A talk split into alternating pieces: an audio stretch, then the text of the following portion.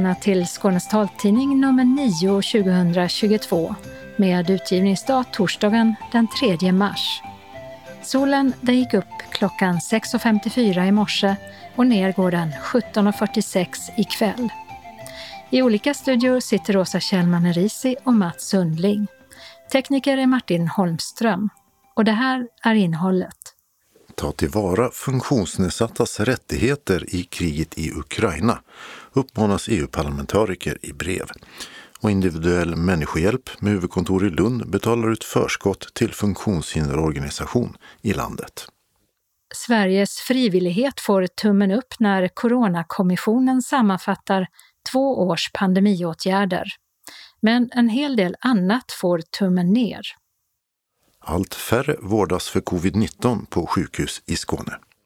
En halvmesyr tycker SRF om regionens paus på färdtjänstavslagen. För pausen gäller inte alla som söker. Men ansvarig politiker är nöjd med beslutet. Paret Gunnarssons har sökt färdtjänst på nytt, men får vänta på beslut i kammarrätten. Hemtjänst, ledsagning, färdtjänst, skola och digitalisering i Synskadades riksförbunds valplattform. Stor undersökning om hälsa och livsvillkor, fast tillgängligheten för synskadade som vill delta haltar. Paralympics invigs i Kina och synskadade längdskidåkaren Sebastian Modin kämpar för att hitta formen igen efter att varit sjuk i covid. Synmässan blir av i vår efter ett långt uppehåll. Skånetrafiken lägger ner sin röststyrda talsvarstjänst för tidtabellsupplysningar. Öppnat och stängt på det med butik och smoothiebar. Evenemangstips med konserter och andra live-evenemang. Och kalendern med parlamentsval och Paralympics. Anslagstavlan är idag gemensam för hela Skåne och innehåller regionala och lokala meddelanden och inbjudningar samt ändringar i kollektivtrafiken. Och sist redaktionsrutan. Det har gått snart en vecka sedan Ryssland invaderade Ukraina. En vecka där människor dödats och skadats och hundratusentals flytt, både inom landet och ut ur det. Och för personer som har någon funktionsnedsättning blir livet förstås också väldigt svårt. Ukraina är ett av medlemsländerna i EBU, European Blind Union, där SRF Skånes ordförande Maria Torstensson är generalsekreterare. Och det pågår en del arbete för att försöka ge stöd till personer med funktionsnedsättning i Ukraina. Jag fick information ifrån vår generaldirektör Lars Bosselman som sitter i Paris att eh, EDF, European Disability Forum, har kontaktat oss och ville eh, ha vår namnunderskrift på att vi stod bakom det som de hade skrivit som de har skickat ut till alla politiker som är berörda i detta som då gäller att man ska tillvarata våra rättigheter framförallt både synskadade och andra naturligtvis funktionsnedsättningar. Och eh, de politiker som då EDF hade varit i kontakt med, är det EU-parlamentariker eller, eller vilka politiker ja. är det? Det är EU-parlamentariker, ja. Sen så har också EBU kontaktat den ukrainska organisationen. Vi har skickat ett brev där vi ställer oss bakom dem och kommer försöka erbjuda den hjälp vi kan. Men bara att de vet att vi vet vad som händer och att, att vi kommer göra vad vi kan. Sen har också Lars Bosselman pratat med dem, för de ringde sen också. Sen exakt vad som sades där, det vet inte jag, men eh, det är väl så långt som vi har gjort idag. Och vet du någonting om vad det är för situation som det blir för synskadade när det blir krig i ett land? Om man bara ser det som har varit rätt så nyligen här med pandemin så har vi ju sett på våra medlemmar som vi har förstått väldigt många varit isolerade och det kommer ju vara så naturligtvis i Ukraina att den isoleringen kommer ju vara väldigt stor. Sen i övrigt så kan jag inte ens föreställa mig situationen. Det, det, nej, det kan jag inte och jag tror att det kommer vara väldigt svårt för dem och jag hoppas på att, det, att de kommer kunna få komma ut i landet så många som möjligt innan detta förhoppningsvis tar slut. Ja, exakt hur stödet till synskadade personer i Ukraina skulle kunna se ut, det vet man inte riktigt än. Men också SRF Riks, där Maria Torstensson sitter med som ledamot i styrelsen, där funderar man också kring hur man kan göra för att hjälpa till i den här svåra situationen. Som det ser ut just nu så håller vi på att försöka få ett samarbete att göra någonting tillsammans med EBU så att vi gör det över hela Europa, går ihop och gör detta. Eh, och sen om vi sen kommer göra det tillsammans med en organisation som exempelvis Röda Korset eller om vi gör det själva, det, det, kan jag inte säga idag. Men det här är någonting som jobbas med för fullt just nu på alla plan. Vad känner du själv inför den här situationen? Jag är så pass ung så jag har ju inte varit med om något krig som tur är. Och ett krig som är på så här nära håll som är med våra grannländer väldigt, väldigt obehagligt. Och jag förstår ju att människor med vår funktionsnedsättning med synskada vet jag har det svårt annars och i en sån här krigssituation så kan jag inte ens föreställa mig det. En som har lång erfarenhet av att arbeta i Ukraina, det är Synskadades riksförbunds tidigare intressepolitiske chef Neven Milivojevic. Under en fyraårsperiod för cirka tio år sedan så jobbade han med ett socialt utvecklingsprojekt för Sida i landet, vilket gjorde att han bodde en hel del där och han har fortfarande många vänner kvar i landet som han håller kontakt med även nu.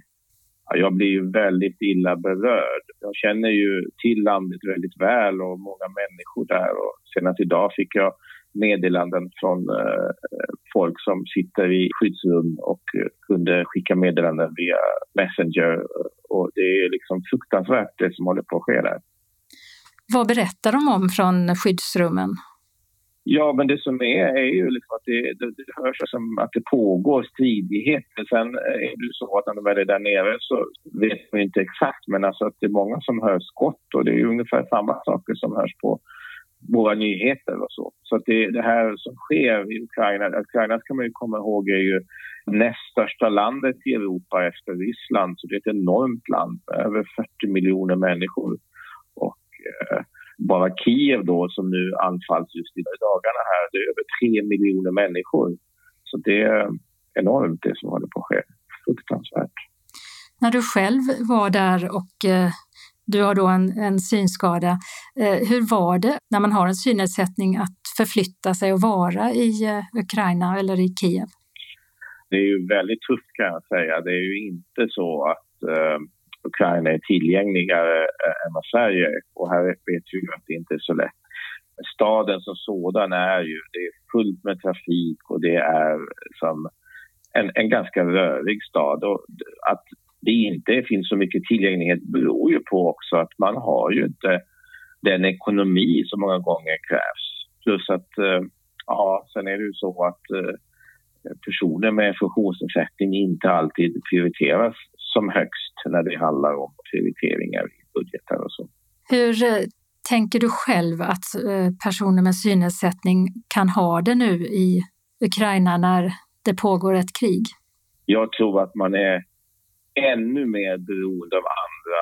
Som synskadad i Ukraina har man ju inte så mycket stödinsatser från samhället och när det pågår ett krig så blir det ju ännu svårare att få hjälp av, av dem som man kanske annars får hjälp av. Så att man, man blir väldigt, väldigt utsatt. Man blir isolerad och ännu mer beroende av andra personer. Så det måste vara fruktansvärt att, att vara synskadad. Även om det är fruktansvärt att inte vara det också, men, men det blir ännu värre tror jag när man saknar syn eller hörsel eller är rullstolsburen i en sån här situation.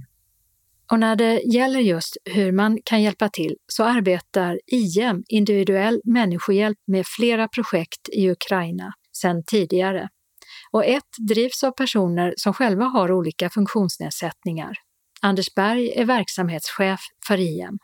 Vi har fem samarbetspartners i Ukraina och en av dem som heter Sachis, de är själva människor med funktionsvariation som, som har organiserat sig och som vi stödjer. Och de jobbar för sina rättigheter där.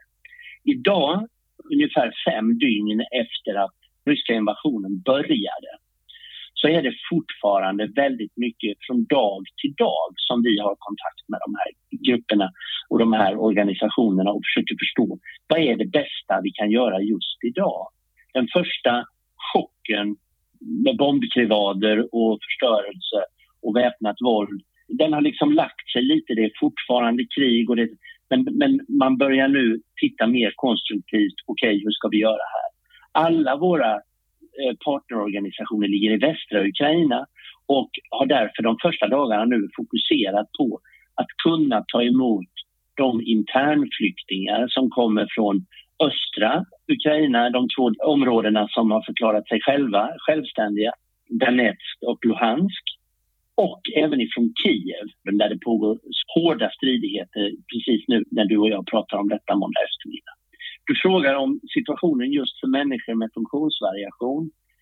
Det är väl som det alltid är att exkluderade grupper dit jag faktiskt vill räkna människor med funktionsvariation om vi generaliserar i Ukraina, precis som i många andra länder.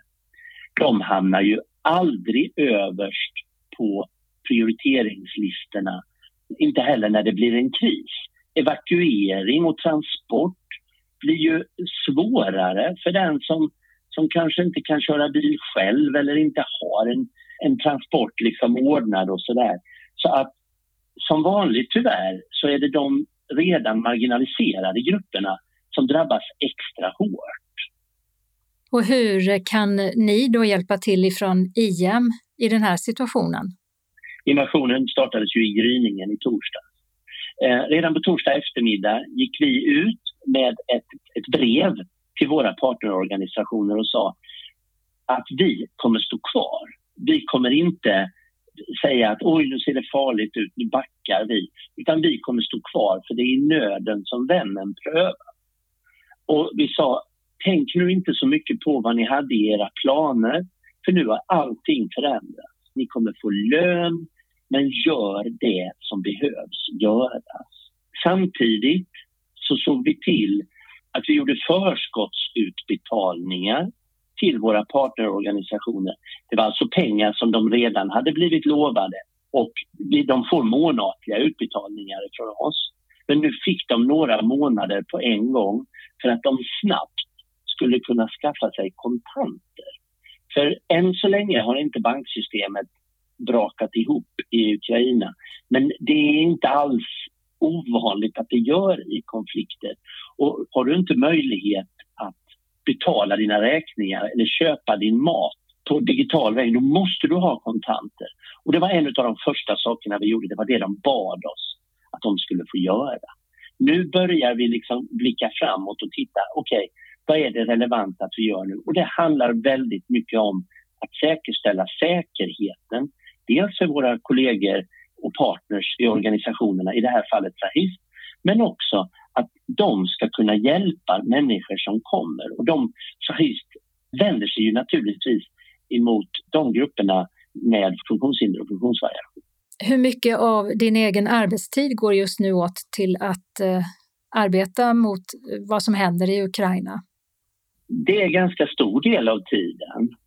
Våra kollegor i Moldavien i dialog med våra partners i Ukraina, de, de jobbar hela tiden med det här. Vi träffas varje morgon för att fråga vad är det bästa vi kan göra idag? Jag jobbar ju, om man säger 80-90 procent av min tid just de här dagarna med att, att försöka vara bästa möjliga partner och stöd i den oerhört komplexa situationen som vi befinner oss i. Och hur har du själv reagerat på den? Jag har arbetat inom internationellt utvecklingssamarbete nästan hela mitt yrkesverksamma liv. Och jag har haft förmånen att jobba ganska mycket i Ukraina, så jag, jag sörjer. Jag sörjer för mina vänner. Alltså det är så sorgligt när någonting som var på väg att bli så bra bara slås sönder. Det tar lång tid att bygga upp och det går väldigt fort att slå sönder. Men samtidigt så kan vi inte bara liksom lägga oss ner och sörja utan vi måste försöka förbli relevanta och jobba och stödja de här människorna. För de här organisationerna de har verkligen inte lagt sig ner och, i ömkan och i elände utan de jobbar stenhårt och det är det väl det minsta vi kan göra, att svara upp med det vi har. Sa Anders Berg, verksamhetschef för IM, individuell människohjälp, med huvudkontor i Lund. Och IM har också startat en insamling till Ukraina. Dessförinnan hörde vi också Neven Milivojevic som har lång erfarenhet av arbete i Ukraina och Maria Torstensson, ordförande i EBU. Reporter var Åsa Kjellman Risi. Det kommer en tid då varje nation stannar upp och reflekterar över sin framtid. Sådana ögonblick infaller oftast i perioder av nedgång och kris. Dessa ödesmättade rader finns i Coronakommissionens slutrapport om Sveriges pandemihantering sedan början av 2020. Och reflekterar, det gör kommissionen i sin nästan tusensidiga rapport. För lite och för sent lyder en sammanfattning som gjorts i media av rapportens slutsatser om pandemiåtgärderna. Och brister i covid-informationen till funktionsnedsatta påpekas också. I rapporten finns både ris och ros till svenska myndigheter och sättet att hantera pandemin har enligt utredarna ändå gjort att Sverige är ett citat europeiskt land som klarat sig förhållandevis väl. Rosorna, de gäller främst att Sverige inte vidtog tvingande åtgärder som många andra länder använt sig av, däribland mer eller mindre total nedstängning av samhället.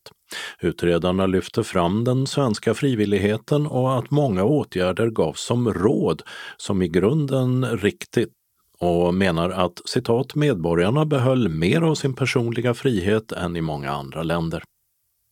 Samtidigt fanns ingen översiktlig plan till exempel för hur äldre och olika riskgrupper skulle skyddas och därför hade det behövts fler och tidigare insatser för att försöka stoppa den allmänna smittspridningen. Och utredarna drar slutsatsen vi är övertygade om att sådana insatser skulle ha räddat liv. Att bilden är komplex visas till exempel av att ett område som får godkänt av utredarna är att grundskolor och förskolor hölls öppna. Men att det inte redan den första pandemivåren 2020 gjordes nedstängningar av till exempel köpcentra var samtidigt olyckligt enligt kommissionen. Fast då saknades det å andra sidan lagliga möjligheter till detta. Även ovilligheten att rekommendera munskydd lyfts fram som olycklig. Anledningen till att det dröjde härleds till att Folkhälsomyndigheten ville ha vetenskapliga belägg för nyttan av munskydd, något som länge inte fanns eftersom pandemin var ny. Här borde man istället ha valt en försiktighetsprincip och rekommenderat munskydd menar utredarna som också skriver att regeringen borde vänt sig till utomstående experter och forskare och satt samman en panel med personer från olika kompetensområden för att kunna bilda sig en bredare uppfattning om situationen istället för att förlita sig på en myndighet, alltså Folkhälsomyndigheten. Riset gäller alltså i mångt och mycket ansvarsfrågan, däribland också att vissa regioner var sena med provtagning och smittspårning. Utredarna vill ha citat en vilande provtagnings och smittspårningsorganisation som kan sjösättas tämligen snabbt. Slutcitat. Detta alltså om det skulle bli en ny pandemi. Utredarna är tydliga med att de menar att regeringen tog allt för lite eget ansvar för hanteringen av coronakrisen. Istället överlämnades det i praktiken till Folkhälsomyndigheten. Citat, det behövs ett tydligt nationellt ledarskap i en samhällskris och det är landets regering som har att tydligt ta detta nationella ledningsansvar. Citat ur Coronakommissionens slutrapport där det också står att sjukvården, särskilt sjukhusen, ändå väsentligen lyckades möta människors behov av vård. Men de många olika aktörernas inbördes rollfördelning i kommuner, regioner och länsstyrelser när det gäller vård, omsorg och sjukvård gjorde situationen svårstyrd, menar utredarna. När det gäller funktionshinderorganisationerna så uppmanades de att sprida pandemiråd och riktlinjer från Folkhälsomyndigheten vidare till sina medlemmar. Men paraplyorganisationen Funktionsrätt Sverige menar att informationen varit undermålig och citat otillgänglig i allt från presskonferenser till Folkhälsomyndighetens webbplats och övrig samhällsinformation. Sammanfattade Dodo Parikas. Vi fortsätter med coronasituationen i Skåne. För tredje veckan i rad så minskar antalet personer som är inlagda på sjukhus med covid-19. Förra tisdagen var det 175 personer medan det denna tisdagen är 122 personer inlagda på sjukhus i Skåne. Vaccinationerna med en fjärde dos vaccin för de som fyllt 80 år pågår på vårdcentraler och upphandlade vaccinationsmottagningar och det ska ha gått minst fyra månader sedan man fick den tredje sprutan. Ska synskadade kunna räkna med att få färdtjänst? Ja, Region Skånes kollektivtrafiknämnd beslutade ju, som vi berättade förra veckan, att Skånetrafiken ska pausa alla omprövningar av färdtjänsttillstånd. Alla tillstånd som går ut förlängs automatiskt med ett år, i väntan på att politikerna gör en översyn av reglerna och de som redan nekats en förlängning med hänvisning till en ändrad rättspraxis ska få färdtjänsten tillbaka. Men de som överklagat eller ansöker för första gången ingår inte i beslutet. SRF Skånes ombudsman Henrik Eld har kampanjat för synskadades färdtjänst sedan Skånetrafiken skärpte bedömningarna. Och han är inte nöjd. Nej, jag tycker att det var lite av en halvmesyr eh, vi har ju haft god draghjälp av eh, Cammy Petersen från Miljöpartiet och eh, Andreas Schönström från Socialdemokraterna. Först var ju förslaget att fatta beslut att det bara skulle handla om när man har färdtjänst som går ut och måste ansöka under 2022 så skulle de förlängas utan prövning i 12 månader medan man utreder frågan för Skånetrafiken. Men eh, Cammy och, och Andreas fick ju igenom att det även skulle då omfatta avslag på färdtjänst med hänvisning till den nya så kallade rättspraxisen under 2021. Där man kan eh, söka färdtjänst igen och så ska man bortse från den här så kallade rättspraxisen som man har använt sig av. Där man, där man ställer betydligt eh, högre krav på vad som anses vara väsentliga svårigheter det vill säga om man hittar en sträcka så kan man träna in alla andra sträckor, tror man, vilket är helt tokigt. Och tittar man sen vidare på beslutet så lämnar man ju synskadade i sticket ändå. Alltså det täcker inte in allting utan om man drabbas av en synnedsättning som man inte har färdtjänst tidigare, nej men då har, har man ingen hjälp av det här beslutet att eh, pausa omprövningar utan då, då, då söker man ju färdtjänst och då verkar det som att man tänker behandla det efter den här nya rättspraxisen. Så där har vi faktiskt två fall nu. En eh, 81-årig kvinna som fick avslag i förra veckan. En ung tjej som uh, har blivit synskadad och som uh, inte har sökt färdtjänst än. Oklart om hon kommer att få någon färdtjänst. Den här 81-åriga damen hon har uppgett eh, i sin ansökan att hon kan gå en kilometer från bostaden till eh, eh, närmaste tågstation och resa med tåget till en större ort. Så hon, hon har inte sagt att hon klarar sig i okänd miljö. Utan det är bara det att hon klarar den. Den sträckan har hon tränat in. Och då, då anser Skånetrafiken att hon har inte väsentliga svårigheter. Och då låter det väldigt mycket som avslagen som har gjorts på ansökningar om förnyat färdtjänsttillstånd ja, som ja. nu har pausats då. Ja, och, och, och hon har haft färdtjänst längre tillbaka men äh, inte sökt om igen för att hon har tyckt att hon kanske klarade sig och hon har haft stöd av omgivningen som har hjälpt henne. Men nu har synen försämrats ytterligare och sen så har det varit pandemi så hon har inte haft så stora behov av att förflytta sig. Men äh, nu kände hon att hon klarar sig inte utan färdtjänst och hon äh, tar sig alltså fram med vit käpp. Så hon är gravt synskadad. Vad tycker du om att det blev så, beslutet? Nej, men jag tycker att det är lite trist att man inte har velat säga ifrån helt enkelt att i Skåne så ska Skånetrafiken inte använda sig av den här så kallade nya rättspraxisen som egentligen från början kommer ifrån eh, Region Stockholm. Utan att uh, man säger det generellt. Att uh, vi ska inte tillämpa den här nere i Skåne nu. Nu utreder vi frågan i ett år. Det kan man ju tycka vad man vill om. Jag tycker inte de behöver utreda det heller. Men eh, nu har de ju fattat beslut om det. Och då tycker jag att beslutet på kollektivtrafiknämnden den 18 februari borde ha varit att vi pausar att använda den här eh, nya rättspraxisen när vi bedömer behovet av färdtjänst. Då hade det omfattat eh, alla. Även de som inte har färdtjänst sen innan men som har behov av det. Och som definitivt hade fått färdtjänst före 2021 när man började med detta. Nu ska vi tillägga att det är inte bara synskadade som har blivit av med färdtjänsten utan även rörelsehindrade och andra. Har du varit i kontakt med andra funktionshinderorganisationer? Och ja, det har jag ju med eh, DHR Skåne och Funktionsrätt Skåne. Och eh, de upplever inte lika omfattande problem som eh, vi gör med avslag för synskadade.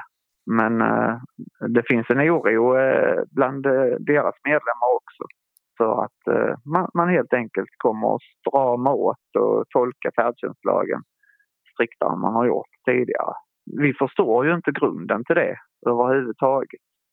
Man säger ju också att det har ju Carina Sackau sagt i intervjuer att det är viktigt att man följer utvecklingen och att det är viktigt att, eh, att alla behandlas lika över hela landet eh, när man eh, utför den här myndighetsutövningen och utreder färdtjänstbehov. Men grejen är att Skåne och Stockholm sticker ut och behandlar personer på ett striktare sätt än vad andra i landet gör. Så det är faktiskt Region Stockholm och Region Skåne som sticker ut och inte ser till att alla får en lika bedömning. Och driver den här urholkningen av färdtjänstlagen som jag kallar Lars Hansson, vice ordförande i kollektivtrafiknämnden för Centerpartiet. Att pausa Skånetrafikens omprövningar av färdtjänsttillstånden som ni fattade beslut om på det senaste mötet. Var det ett svårt beslut att ta? Nej, det tycker jag absolut inte. För att jag har ju känt att vi måste ju så att säga lösa problematiken.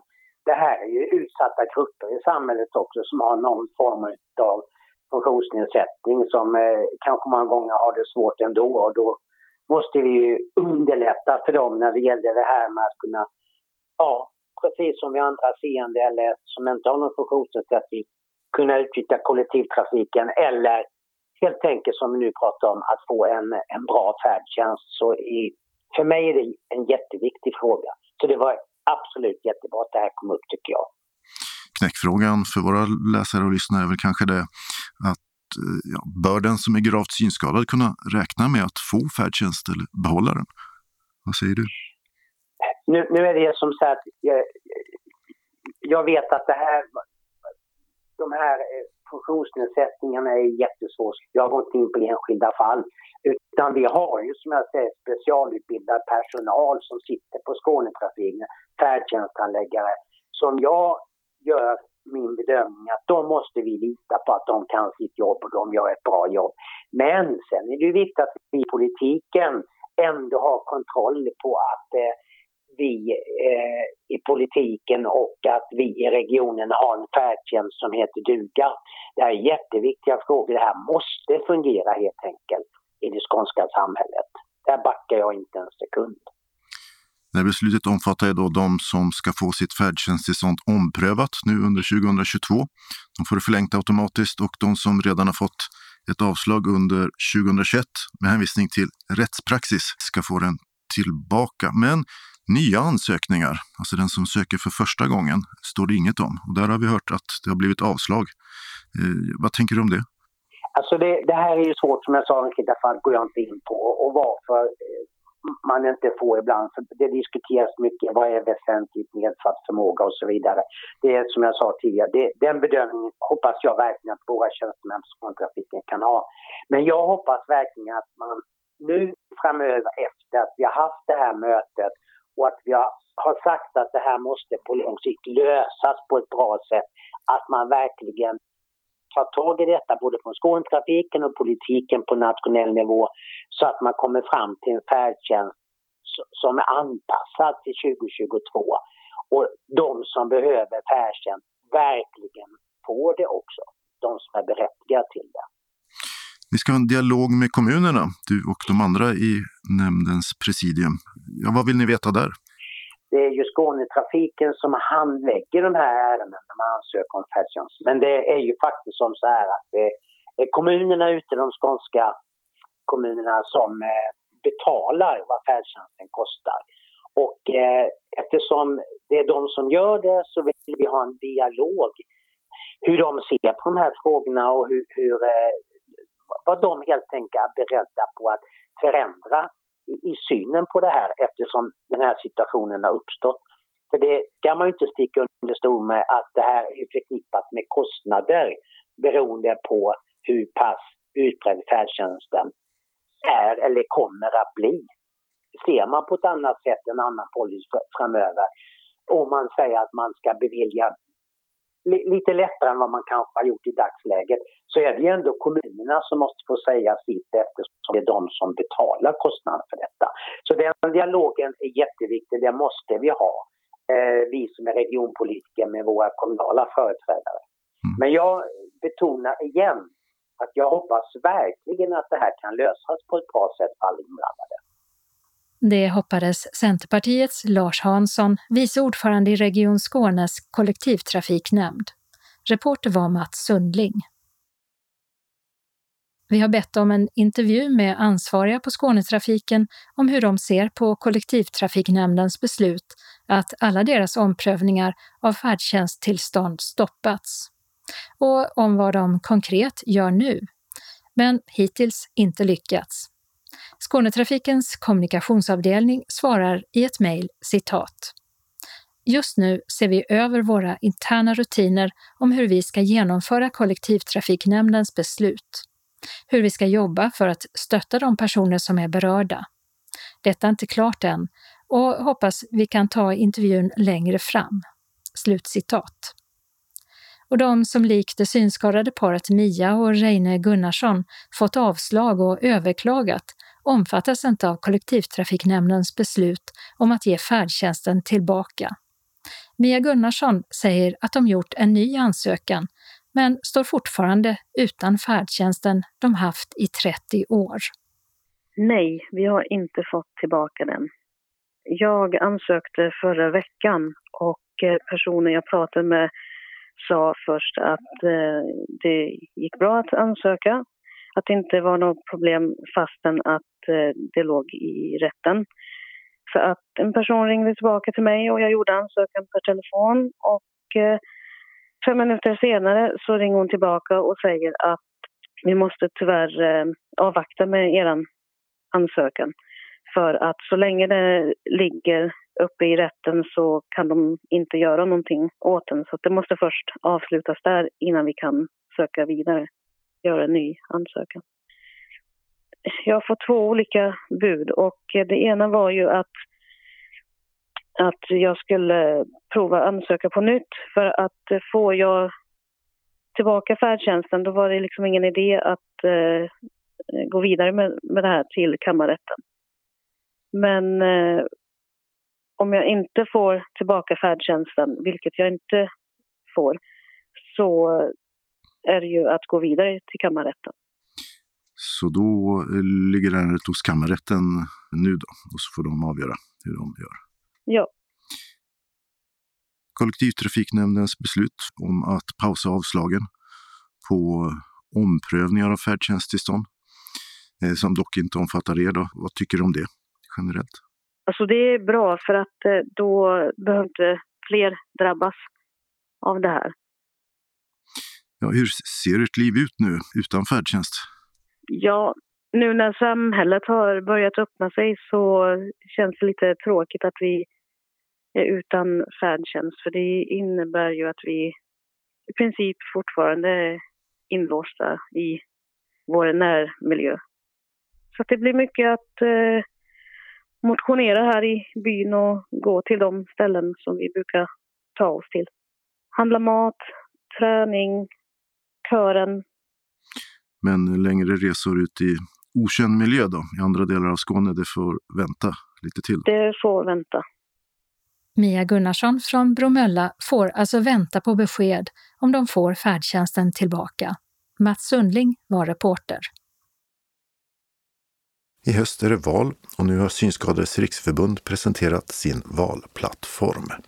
Färdtjänst, hemtjänst, ledsagning, skola och digitalisering är de frågor förbundet ska driva och försöka få politikerna att ta tag i.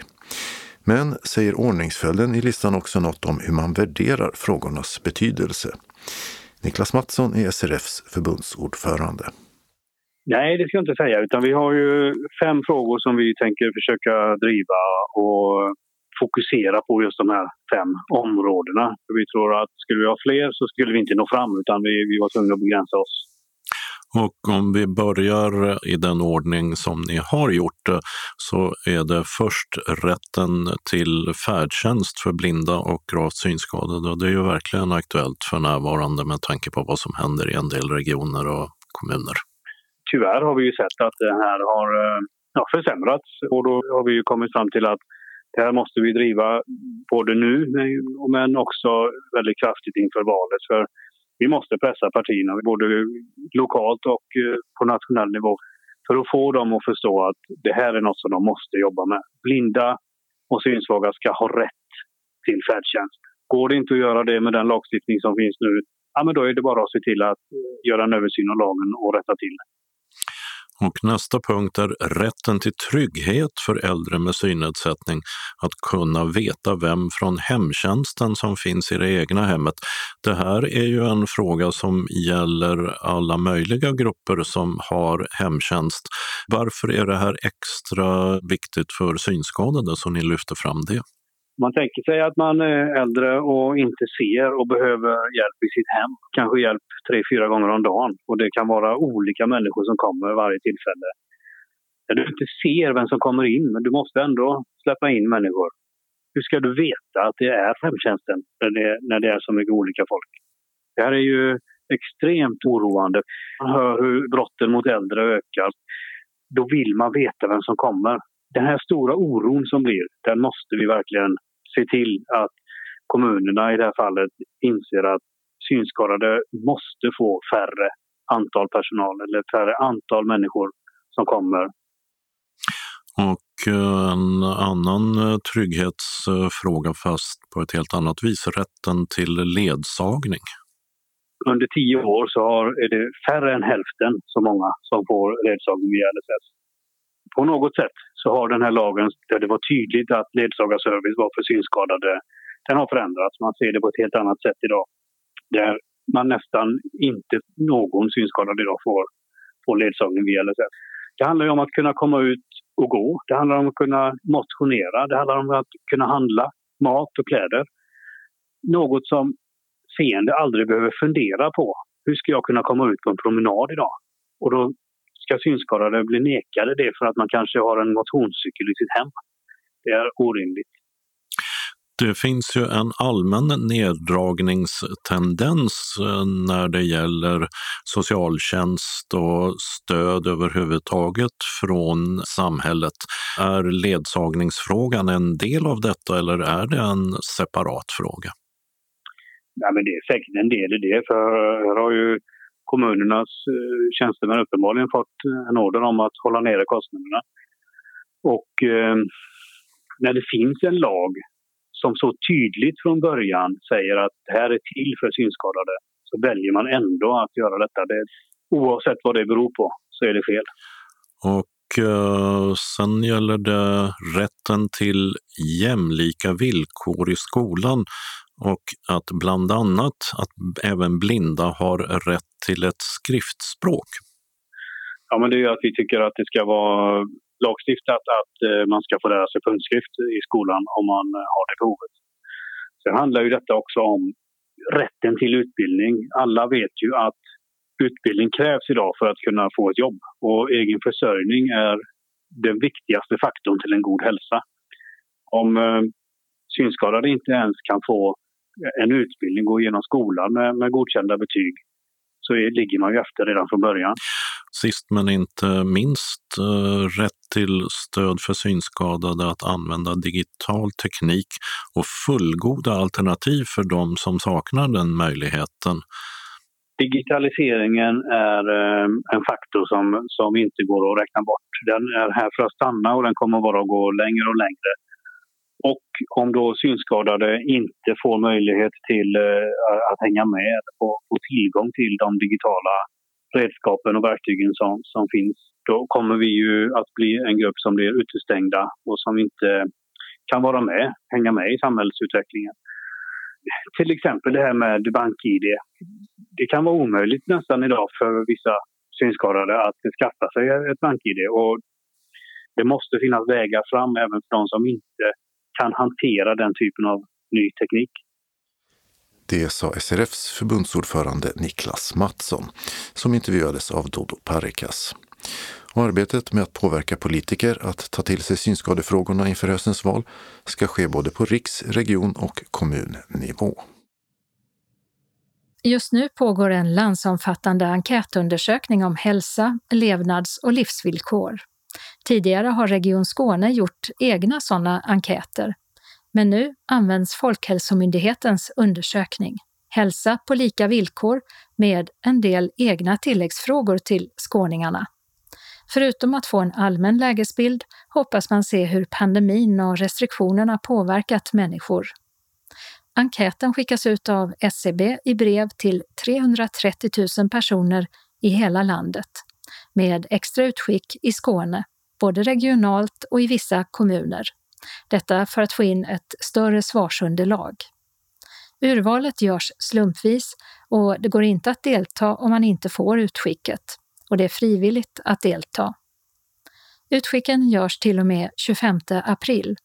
Breven är i svartskrift. I det första finns information och inloggningsuppgifter till en webbenkät. Därpå får man påminnelse och även enkäten på papper. Synskadade måste ta hjälp för att kunna ta del av brevet eller i förekommande fall använda läshjälpmedel. Skärmläsare kan användas om man svarar digitalt. SRF Skånes ombudsman Henrik Eld menar att när brevet bara går ut i svartskrift blir det redan från början ett problem ifall man inte ens vet om att man fått det. Så enkäten borde gå att få som elektronisk myndighetspost, typ Kivra. Dessutom borde de som inte kan svara via internet kunna göra det per telefon, menar Eld. Mer information finns på hemsidan folkhälsomyndigheten.se. Nu på fredag den 4 mars börjar Paralympics i Peking.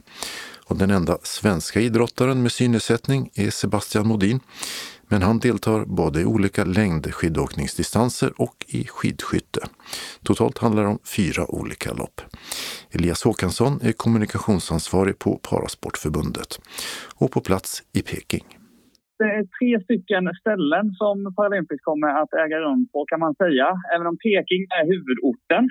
Här kommer curling och hockey att äga rum. Men längdskidåkningen som du är lite extra nyfiken på kommer äga rum ungefär 18 mil härifrån i Chanchaco heter det. Under eh, olympiska spelen så var det ju väldigt mycket tal om kylan och sådär. Hur är det med kyla och snötillgång? Nej, men vi kom väl lite med vårvärmen kan man väl säga när vi flög in här i, i fredags. Och, eh, det har varit strålande solsken. Igår var de ute och körde ett jätteskönt skidpass här uppe. Och vi har inte känt av den här kylan som var under de olympiska spelen. Sebastian eh, Modin har ju nyligen haft eh, corona. Eh, är han helt frisk och i bra form nu? Sebastian är helt frisk från sin corona och har varit under ett antal veckor och har kunnat träna på ganska obehindrat. Han kanske inte är i den toppformen som han hade hoppats på i detta läge. Men det är ju fortfarande en vecka ungefär kvar till, till första tävlingsdagen. Han tävlar ju både i skidskytte och i, och eh, i längdskidor. Var tror han att han har mest chans? Eh, Modin kommer ha mest chans i längdskidor, absolut. Han tog ju silver i Pyeongchang i sprinten. Så sprinttävlingen är det väl nog ett av hans favoritlopp. Och hur många tävlingar är det han ställer upp i? Han kommer ställa upp i fyra lopp, ett skidskytte och tre stycken längdlopp. Är ni i någon form av coronabubbla eller så, eller hur mycket får man röra sig runt omkring? Ja, vad det gäller coronan så tror jag vi är på ett av de säkraste ställena i världen just nu. Vi, vi befinner oss i en, i en stängd bubbla som man kallar det och har blivit testade både innan ganska mycket vi åkte men också när vi anlände till Kina på flygplatsen. Vi testas också varje dag med ett eh, PCR-test för att se om man fortfarande är negativ. Så eh, vi, vi är i en bubbla och eh, har än så länge inte haft några covidfall i den svenska truppen. Kan ni vara ute och röra på er och så utöver, eller måste ni vara mycket på samma plats och så? De olika orterna är uppdelade och det är tre stycken paralympiska byar på varje ort och det är i de byarna man får hålla sig. Man får röra sig fritt i byn då så att säga men man får inte ta sig utanför byn och se mer av, av städerna så att säga. Det här är fjärde Paralympics som Sebastian Modin ställer upp i. Spelar det någon roll, tror du, att man har varit med om det många gånger förut?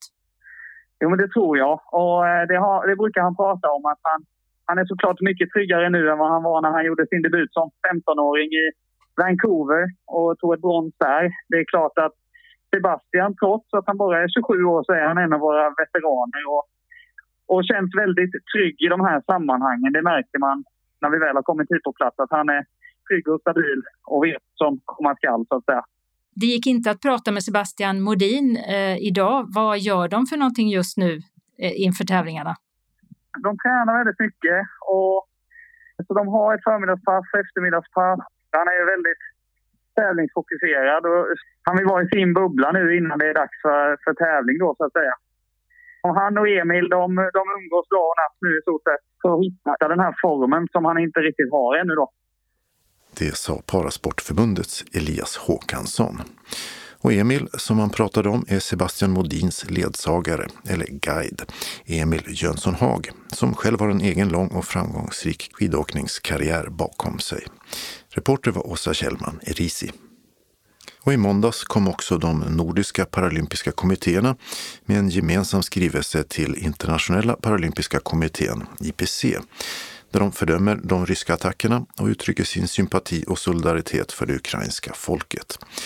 Man rekommenderar också starkt att IPC ska överväga att utesluta Ryssland och Belarus paralympiska kommitté från att delta i de kommande spelen samt säkerställa att Ukrainas idrottare ges möjlighet att delta. Åsa Linares Norlin, som är ordförande för Sveriges paralympiska kommitté, säger i en kommentar citat vi befinner oss i en extraordinär och allvarlig situation och då är det viktigt att agera tydligt. Tillsammans med våra nordiska grannländer blir vi starkare. Slut citat. Synmässan som ställts in vid flera tillfällen tidigare på grund av den pågående pandemin blir nu trots allt av med nya datum i vår. Istället för två dagar, en för allmänheten och en för professionen som det brukar vara, blir det denna gång endast en dag per ort, men då är alla intresserade välkomna. På synmässan visas de senaste synhjälpmedlen från större leverantörer. Och det är leverantörsföreningen Svensk Syn som arrangerar den. Till Malmö och Folkets hus i Limhamn kommer synmässan den 10 maj. I Stockholm hålls den 3 maj och i Göteborg den 12 maj. Skånetrafiken lägger ner sin röststyrda talsvarstjänst för tidtabellsupplysningar eftersom den inte längre går att underhålla på grund av att avtal löpt ut. Tekniken är gammal och det kommer inte att tas fram en ny version. Den nuvarande fungerar heller inte optimalt, vilket visade sig när vi provringde. Välkommen till Skånetrafikens röststyrda talsvar. Inom vilken ort eller mellan vilka orter vill du resa? Malmö. Vill du resa inom Malmö? Ja. Ursäkta, men jag hörde ingenting. Försök igen. Inom Malmö. Jag hörde ingenting. Malmö. Inom vilken ort eller mellan vilka orter vill du resa? Malmö. Tack för samtalet och välkommen åter.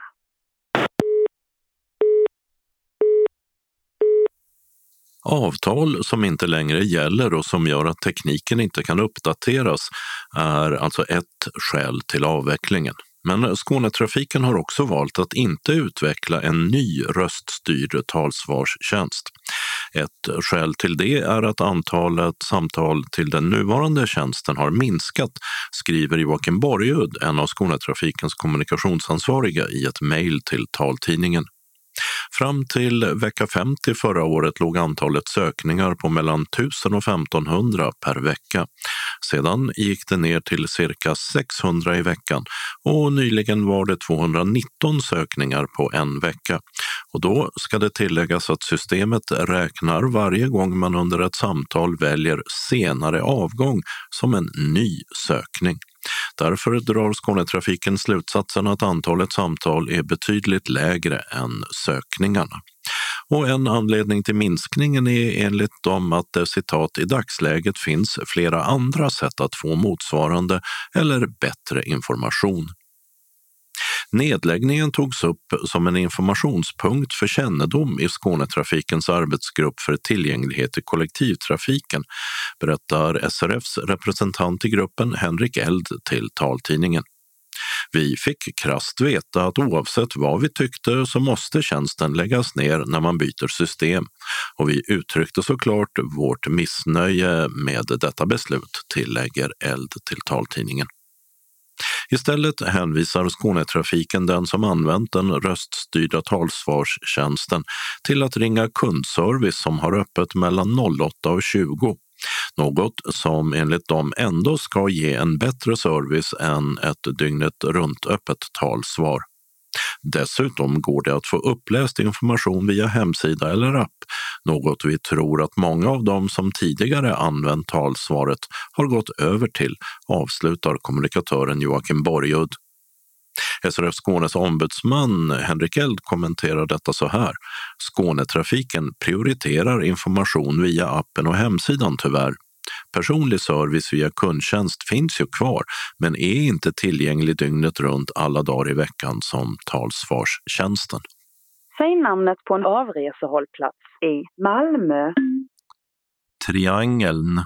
Menar du Malmö Triangeln? Ja. Ett ögonblick. Avgång från Malmö Triangeln med ordinarie avgångstid klockan 11 och 02. Beräknas avgå klockan 11. Ja, vid ett nytt försök fungerade alltså talsvarstjänsten som enligt planerna ska stängas av nu i början av året. Osäkert när dock. Så länge den är igång kan den nås på telefon 0771 77 77 24. Skånetrafikens kundservice har som tidigare 0771 77 77 77. Och reporter var Dodo Parikas. Öppnat och stängt. I Broby i Östra Göinge har en öppenvårdsmottagning med bland annat missbruksvård och anhöriggrupper öppnat på Snapphanegatan 1. I samma byggnad finns Capios vårdcentral. I Sjöbo har Ellis Smoothie Bar öppnat på Västergatan 18B. Hälsosam mat och inredning kännetecknar denna bar. Öppettiderna är tisdag till fredag 9 till 16 och lördagar 10 till 14. I Ystad har butiken Flying Tigers butik på gågatan med adress Östergatan 22 stängt. I Ystad har restaurang Mediterranean Barbecue på Hamngatan stängt. Tanken är att bygga om och till sommaren starta med nytt koncept och namn. I Kristianstad har foodtrucken eller matvagnen Grab and Go flyttat in på Stora torg.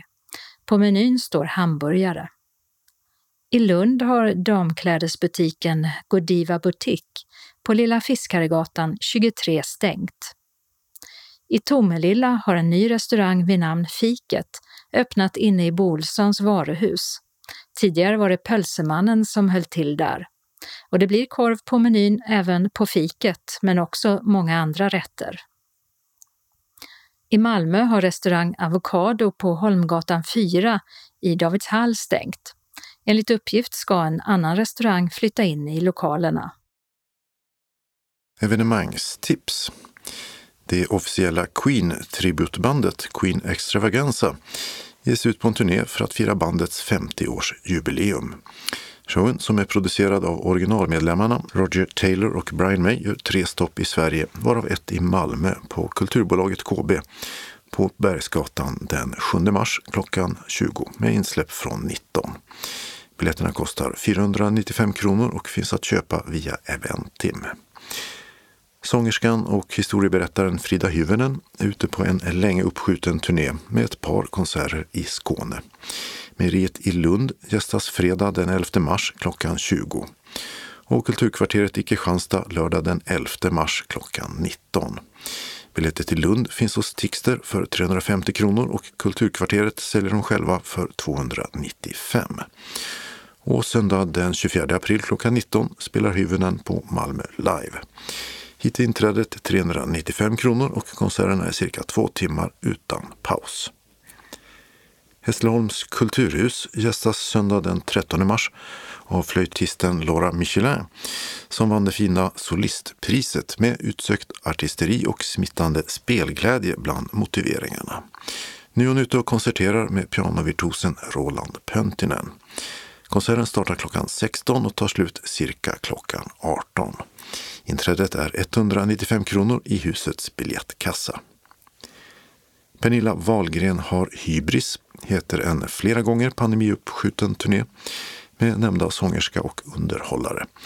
Men den här gången verkar det finnas förutsättningar för att det också ska bli av. Fredag den 25 mars klockan 19.30 är hon och gästerna i alla fall schemalagda att komma till Lund och Sparbanken Skåne Arena. Och söndag den 27 mars klockan 19 till Slakthuset i Malmö. Och sista stopp i Skåne blir fredag den 6 maj 19.30 på Kristianstad Arena. Ticketmaster säljer biljetter till samtliga för 565 eller 605 kronor. Den 27 mars är sista dagen som utställningen Malmö med fingertopparna är öppen på Malmö museer. Närmare bestämt Teknikens och sjöfartens hus med adress Malmöhusvägen 6. Här finns 12 taktila modeller av kända Malmöbyggnader att ta del av, däribland Törning Torso och Sankt Johanneskyrkan. Museet beskriver utställningen som ett exempel på hur form, arkitektur och digitalisering kan samspela för att göra stan tillgänglig för alla. Popsångerskan Lena Philipsson ska ut på en konserthusturné som fredag den 8 april når Helsingborg Arena, det enda skånska stoppet. Konserten där börjar klockan 19.30 och biljetter för mellan 595 och 695 kronor finns hos Ticketmaster. Och lite längre fram kommer Van Morrison till Sverige och fredag den 10 juni spelar han med sitt band i Malmö. Den irländska veteranen var sångare i bandet Dem och slog igenom som solartist med låten Brown Eyed Girl.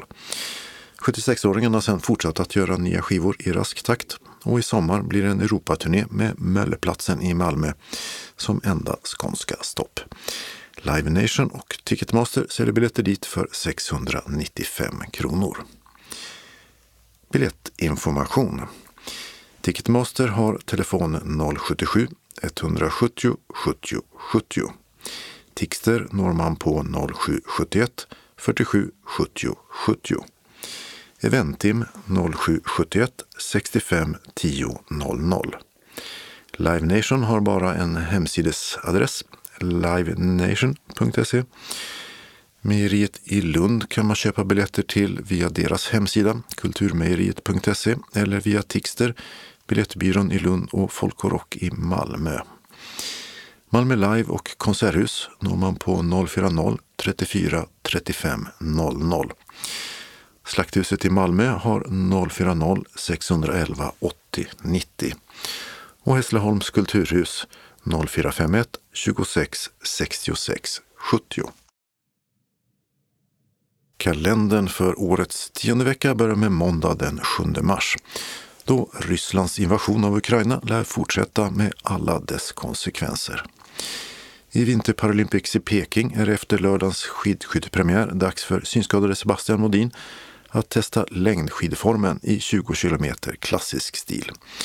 Och sen får han slita. På tisdagen är det skidskytte igen. Onsdag längdsprinten. Fredag mera skidskytte.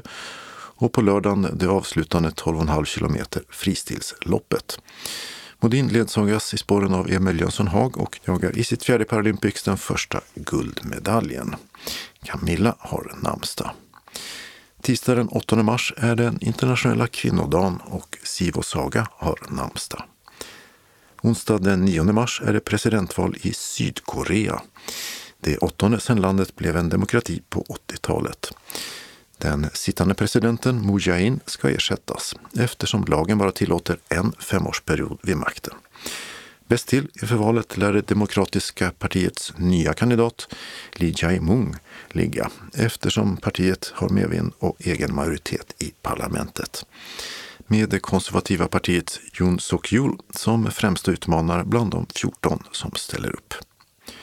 Mona Sahlin var Socialdemokraternas partiledare 2007 till 2011. Den första kvinnliga och innan dess bland annat vice statsminister i regeringen Carlsson. Från det uppdraget fick hon gå efter den så kallade Toblerone-affären och skattebrott och andra affärer har efter det satt P för hennes karriär. Mindre känt är kanske att Mona Sahlin som 20-åring var kontorist på Synskadades riksförbund i Stockholm. Nu fyller hon 65 år. Torbjörn och Torleif har namnsdag. Torsdag den 10 mars samlas Magdalena Andersson och de andra stats och regeringscheferna i EU i Frankrike för ett informellt möte i två dagar. Och de lär bara tala om Rysslands krig i Ukraina som redan fått alla EU-länder att fördöma Rysslands aggression och kanske enas om mer stöd till den ukrainska demokratin. Namnsdag har Edla och Ada. Fredag den 11 mars är den 70 dagen för året och namnsdag för alla som heter Edvin och Egon. I Falun börjar de svenska skidspelen som också ingår i världskuppen i längdskidåkning. Och i Åre börjar de alpina världscuptävlingarna i damernas slalom och storslalom.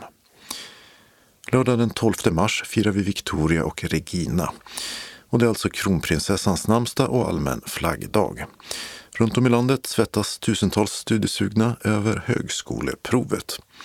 Och den som inte redan anmält sig till vårens prov får vänta till i höst. I Paralympics näst sista dag är det final i rullstolscurlingen, kanske med det svenska lag Pedersson Dahl på plats. De tog ju VM-silver i höstas. I det gasrika landet Turkmenistan, som är granne med Afghanistan, är det presidentval. Och utgången är rätt given, för valen där har aldrig varit fria. Den sittande presidenten Berdi Mukamedov har sagt att han vill avgå efter 16 år som diktator. Och eftersom han har nominerat sin son Serdar som efterträdare lär det utan tvivel bli så. Apropå ryska invasioner av grannländer är det samma dag så kallat parlamentsval i Abkhazien, en utbrytarrepublik i Kaukasus som kom till efter den ryska arméns överfall på Georgien 2008. FN och nästan alla länder ser det som en ryskockuperad del av just Georgien. Den amerikanske politikern Mitt Romney är en av republikanernas mest kända namn och dess presidentkandidat i valet 2012 som Barack Obama vann. I en debatt inför det fick Romney frågan om vad han tyckte var det största hotet mot USA och svarade Ryssland och inte terrorrörelsen al-Qaida som var aktuella då och blev hånad som en man från det förgångna som fastnat i kalla kriget. Tänk! Nu fyller Mitt Romney, som också gjort sig känd för att våga kritisera Donald Trump, 75 år. Söndag den 13 mars är det parlamentsval i Colombia.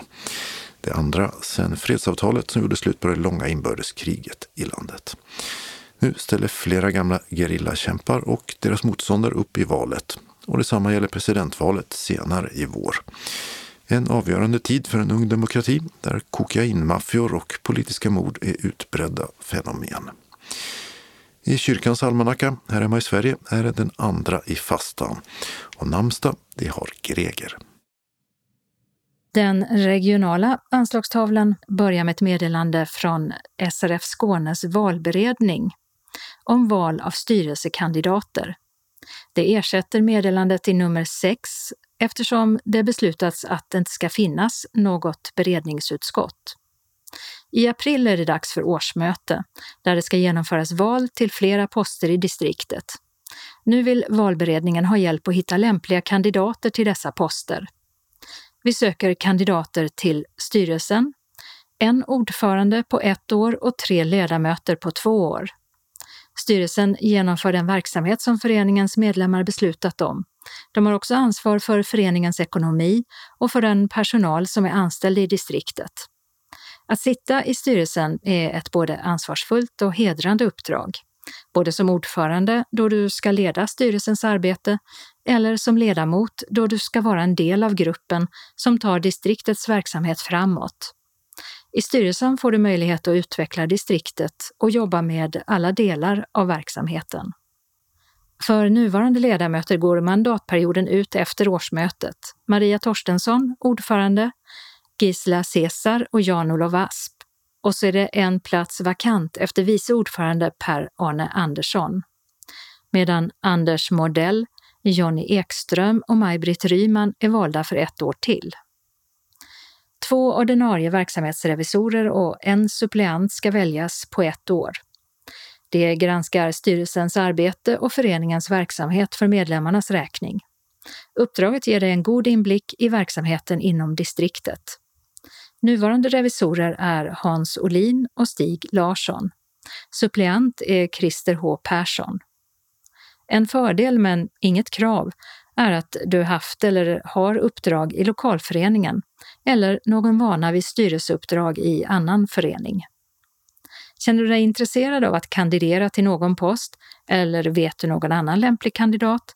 Hör i så fall av dig till valberedningen på e-post val srfskane.se eller till sammankallande Stina Bodil Andersson på telefon 0702 39 76 26. Vi vill veta namn, kontaktuppgifter och vilken, vilka poster nomineringen gäller. Om du vill nominera någon annan så kontrollera att personen vill ställa upp först. Motivera gärna varför du vill nominera den personen som avses. För att underlätta vårt arbete inför årsmötet vill vi ha samtliga nomineringar till oss senast den 19 mars. Ju fler kandidater vi får in, desto bättre förutsättningar får vi att göra ett bra jobb. Så sprid budskapet till alla i föreningen så kan vi tillsammans fortsätta bygga ett distrikt att vara stolta över och som andra kommer att se som, på som inspiration. Till dig som kandiderar till styrelsen. Eftersom de föreningar som har lönebidragsanställda måste kontrollera att kandidaterna inte har näringsförbud eller skatteskulder kommer en sådan kontroll att göras av SRF Skånes kansli. Detta är en förutsättning för att du ska bli valbar. Med vänliga hälsningar valberedningen Stina Bodil Andersson, sammankallande, Britt-Marie Linné, Fredrik Andersson, Stig Larsson och Torbjörn Sjörén. SRF Skåne har en inbjudan till litteraturträff lördagen den 26 mars klockan 11.30 till 16 på hotell Sankt Jörgen, Stora Nygatan 35 i Malmö. Vi har bokat författaren Anna Breitholtz Monsén. Hon är aktuell med deckaren Stranden. En bok med humor och mörka undertoner och den första delen i en serie om Lina Lantz och hennes egensinnige morfar. Det är 1988. 16-åriga Erik och Peter har sommarlov och fördriver de långa dagarna på stranden med freestyle-lurarna i öronen. Så försvinner Peter spårlöst. Rymde han hemifrån eller drunknade han? Drygt 30 år senare kommer den före detta polisen och livvakten Lina Lantz till skånska Sandinge. Hon har ärvt ett gammalt hus och börjat ett nytt liv där tillsammans med sina katter. När en ung man hittas mördad på stranden dras Lina motvilligt in i en utredning som leder henne tillbaka till händelserna den där sommaren för länge sedan. Läs gärna hennes bok Stranden före träffen. Klockan 11.30 ankomst till Sankt Jörgen, sen lunch och klockan 13 samlas vi och hälsar Anna Breitholtz Monsén välkommen. Cirka 15 avslutar vi med kaffe, 15.45 hemresa. Föreläsningen kommer också sändas ut via Teams. Så vill du delta på den digitala utsändningen, meddela detta. Vi behöver din mejladress för att skicka länken till föreläsningen. Anmälan sker till SRF Skåne fram till fredagen den 11 mars på telefon 040-777 75 eller e-post srfskane srfskane.se. Uppge om du önskar kött, fisk, vegetariskt eller om specialkost samt om du behöver ledsagare. Ange även ditt mobilnummer och e-postadress. Har du aldrig varit med på digitala träffar tidigare så säg till så kommer du få lite extra hjälp. Deltagarförteckning och instruktioner om Teams skickas ut cirka en vecka före kursstart. Kostnad 200 kronor. 0 kronor vid enbart digitalt. Inbetalning senast 26 mars till bankgiro 484-0989 eller swish på nummer 123 312 6299. Vill du ha en inbetalningsavi så säg till. SRF Skåne står för era resekostnader efter att kvitton inkommit senast tre månader efter och endast för resor inom Skåne. Bor du utanför Skåne endast för kostnaden från länsgränsen. Har du frågor kontakta kursansvarig Maj-Britt Ryman 070-324 6609. Varmt välkomna Arbetsgruppen för kultur och fritid. Den lokala anslagstavlan som idag är gemensam för hela Skåne börjar med ett meddelande från SRF Malmö Svedala om aktiviteter under vecka 10. Välkomna till SRF Malmö Svedalas dagverksamhet. Vi serverar kaffe och smörgås eller kaka till en kostnad av 10 kronor. Vi vill att alla anmäler sig till kansliet på telefon 040 25 05 40 om man tänker komma på någon av dagaktiviteterna senast klockan 10 samma dag som aktiviteten. Känner man sig sjuk så stannar man hemma. Måndagen den 7 mars klockan 13 till 15, då är det tidningsläsning och eller frågesport. Tisdagen den 8 mars klockan 13 till 15.15, 15, då är det bingo. Synskadades riksförbund Malmö Svedala har också ett meddelande om söndagsquiz. Hej alla ni som tycker om frågesport, oavsett om ni kan eller inte kan gå en vanlig tipspromenad, så kan ni komma till ett söndagsquiz i form av tipsfrågor. Vi kommer att använda tryckbubblor och kryssrutor för att avge svaren, sådana som vi använder på tipspromenaderna. Kom till föreningen på Vendelsfridsgatan 13 söndagen den 20 mars klockan 13 för lite hjärngympa. Efter frågorna serverar vi kaffe och smörgås. Det blir en prisutdelning också förstås. För allt detta betalar medlemmar 40 kronor och ej medlemmar 60 kronor kontant på plats. Vill ni vara med så anmäl er till kansliet på 040 25 05 40 eller mejla till info srfmalmo.se senast tisdagen den 15 mars. Glöm inte att meddela specialkost vid anmälan. Välkommen önskar styrelsen. Och så ett meddelande från Synskadades förening SRF Trelleborg med omnejd som har en påminnelse till sina medlemmar om årsmöte 2022. Det är lördagen den 12 mars klockan 16 till 19 och platsen är restaurang Dannegården, Strandgatan 32 i Trelleborg. Synskadades förening SRF Trelleborg med omnejd kallar styrelsen, kassör, revisorer och samtliga övriga medlemmar till årsmöte. Alla signaler i skrivande stund pekar på att strikta covidregler inte hindrar oss från ett fysiskt möte detta år. Speciellt glädjande är det att hälsa er välkomna och samtidigt uppmärksamma att föreningen firar 50 år. Det var 1972 vår förening startade under namnet Trelleborgskretsen Klubb Syd. Givetvis ska vi fira detta med en trerättersmiddag som vi intar efter årsmötesförhandlingarna. Styrelsen har vid ett flertal gånger de senaste åren bjudit in till medlemsmöten där vi ställt frågan om det finns intresse att ta sig an en förtroendevalspost. Hittills har intresset varit väldigt svalt. På årsmötet måste vi ha fått några intresserade medlemmar. Annars kommer den tunga frågan om vår framtid att bli den helt dominerande diskussionspunkten. Lämna din intresseanmälan samtidigt som du anmäler dig till årsmötet, eller allra senast under själva årsmötet.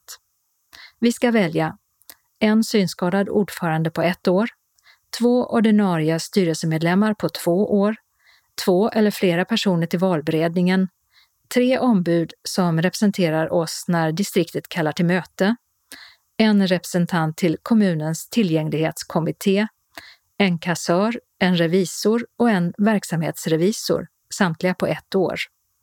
Alla personer som nomineras ska vara tillfrågade. Eftersom det finns en uppenbar risk för glatt diskuterande personer och skramlande porslin inför middagen kommer inte styrelsen att stanna kvar för ett konstituerande möte denna gång. Mötet kommer dock att ske i nära anslutning till årsmötet. Vi vill att du hör av dig snarast möjligt, men senast fredagen den 4 mars till Helena, mobil 070 642 2176 eller e-post 1 Helena Lindell gmail.com. Uppge vid din anmälan om du har någon form av matallergi eller annat som vi bör meddela restaurangköket. Meddela om du vill ha något av följande dokument, antingen digitalt eller på svartskrift. Förslag till dagordning för årsmötet 2022, budgetförslag SRF Trelleborg, revisionsberättelse för SRF Trelleborg med omnejd, verksamhetsplan för 2022, vårt årsbokslut. Väl mött, styrelsen. SRF Västra Skåne har en inbjudan till Helsingborgs stadsteater och pjäsen Amadeus som syntolkas lördagen den 23 april. Salieri hatar Mozart. Han står inte ut med den unge konkurrentens framgångar och inte heller med hans bortskämda, stökiga stil och utsvävningar som går stick i stäv med alla ideal. Ändå kan han inte låta bli att i hemlighet beundra honom. För den gudfruktige Salieri hör Herrens röst genom Mozarts underbara musik. Driven av missundsamhet och ilska, ackompanjerad av musikhistoriens allra vackraste toner, gör Salieri upp med Gud och släpper taget om sina principer för att kunna krossa sin rival. Hur långt kan avundsjuka driva en människa? Liksom i biofilmen från 1984 skruvas denna version upp med hjälp av en stor ensemble, häftiga kostymer och mycket humor. Björn Kjellman spelar rollen som Salieri, Einar Bredefelt den unge Mozart och Karin Li Körsbärsdal gör rollen som Konstans. På scenen dessutom Helsingborgs symfoniorkester. Ett färgsprakande spektakel för hela familjen. Ett party du måste vara med på. Detta den 23 april klockan 18 till 21 inklusive paus. Samling för syntolkning klockan 17. Deltagaravgift 190 kronor för medlemmar i SRF Västra Skåne. Övriga betalar 290. Pjäsen spelas på Storan. Sista anmälningsdag är fredagen den 18 mars klockan 12 till kansliet telefon 042 15 83 93 eller mejl srf.monica.telia.com. Meddela om du önskar hörlur för syntolkning. Det finns 20 biljetter så skynda dig med en anmälan. Eventuella frågor besvaras av ditt teaterombud Ulla Engström på telefon 0730 70 11 31 eller mejl ulla.engstrom1 icloud.com. Vi har en förändring i busstrafiken i Helsingborg som gäller stadsbusslinje 7 och Larmvägen. På grund av ett gatuarbete är hållplats Frontgatan läge A stängd fram till den 30 april. Istället hänvisas till en tillfällig hållplats cirka 120 meter framåt i bussens färdriktning på Larmvägen. Och det här var allt för Skånes taltidning den här gången. Nästa gång vi kommer ut har det hunnit bli torsdagen den 10 mars. Skånes taltidning ges ut av Region Skånes psykiatri och habiliteringsförvaltning. Ansvarig utgivare är Martin Holmström. Postadress Jörgen Ankersgatan 12, 211 45 Malmö. Telefon 040-673 09 70. E-post Skanes taltidning snabela skane.se och hemsida skanestaltidning.se. Observera att CD-skivorna inte ska skickas tillbaka till oss. Såväl skivor som kuvert kan läggas i brännbara sopor när ni inte längre vill ha dem. Vi hörs igen. Hej då!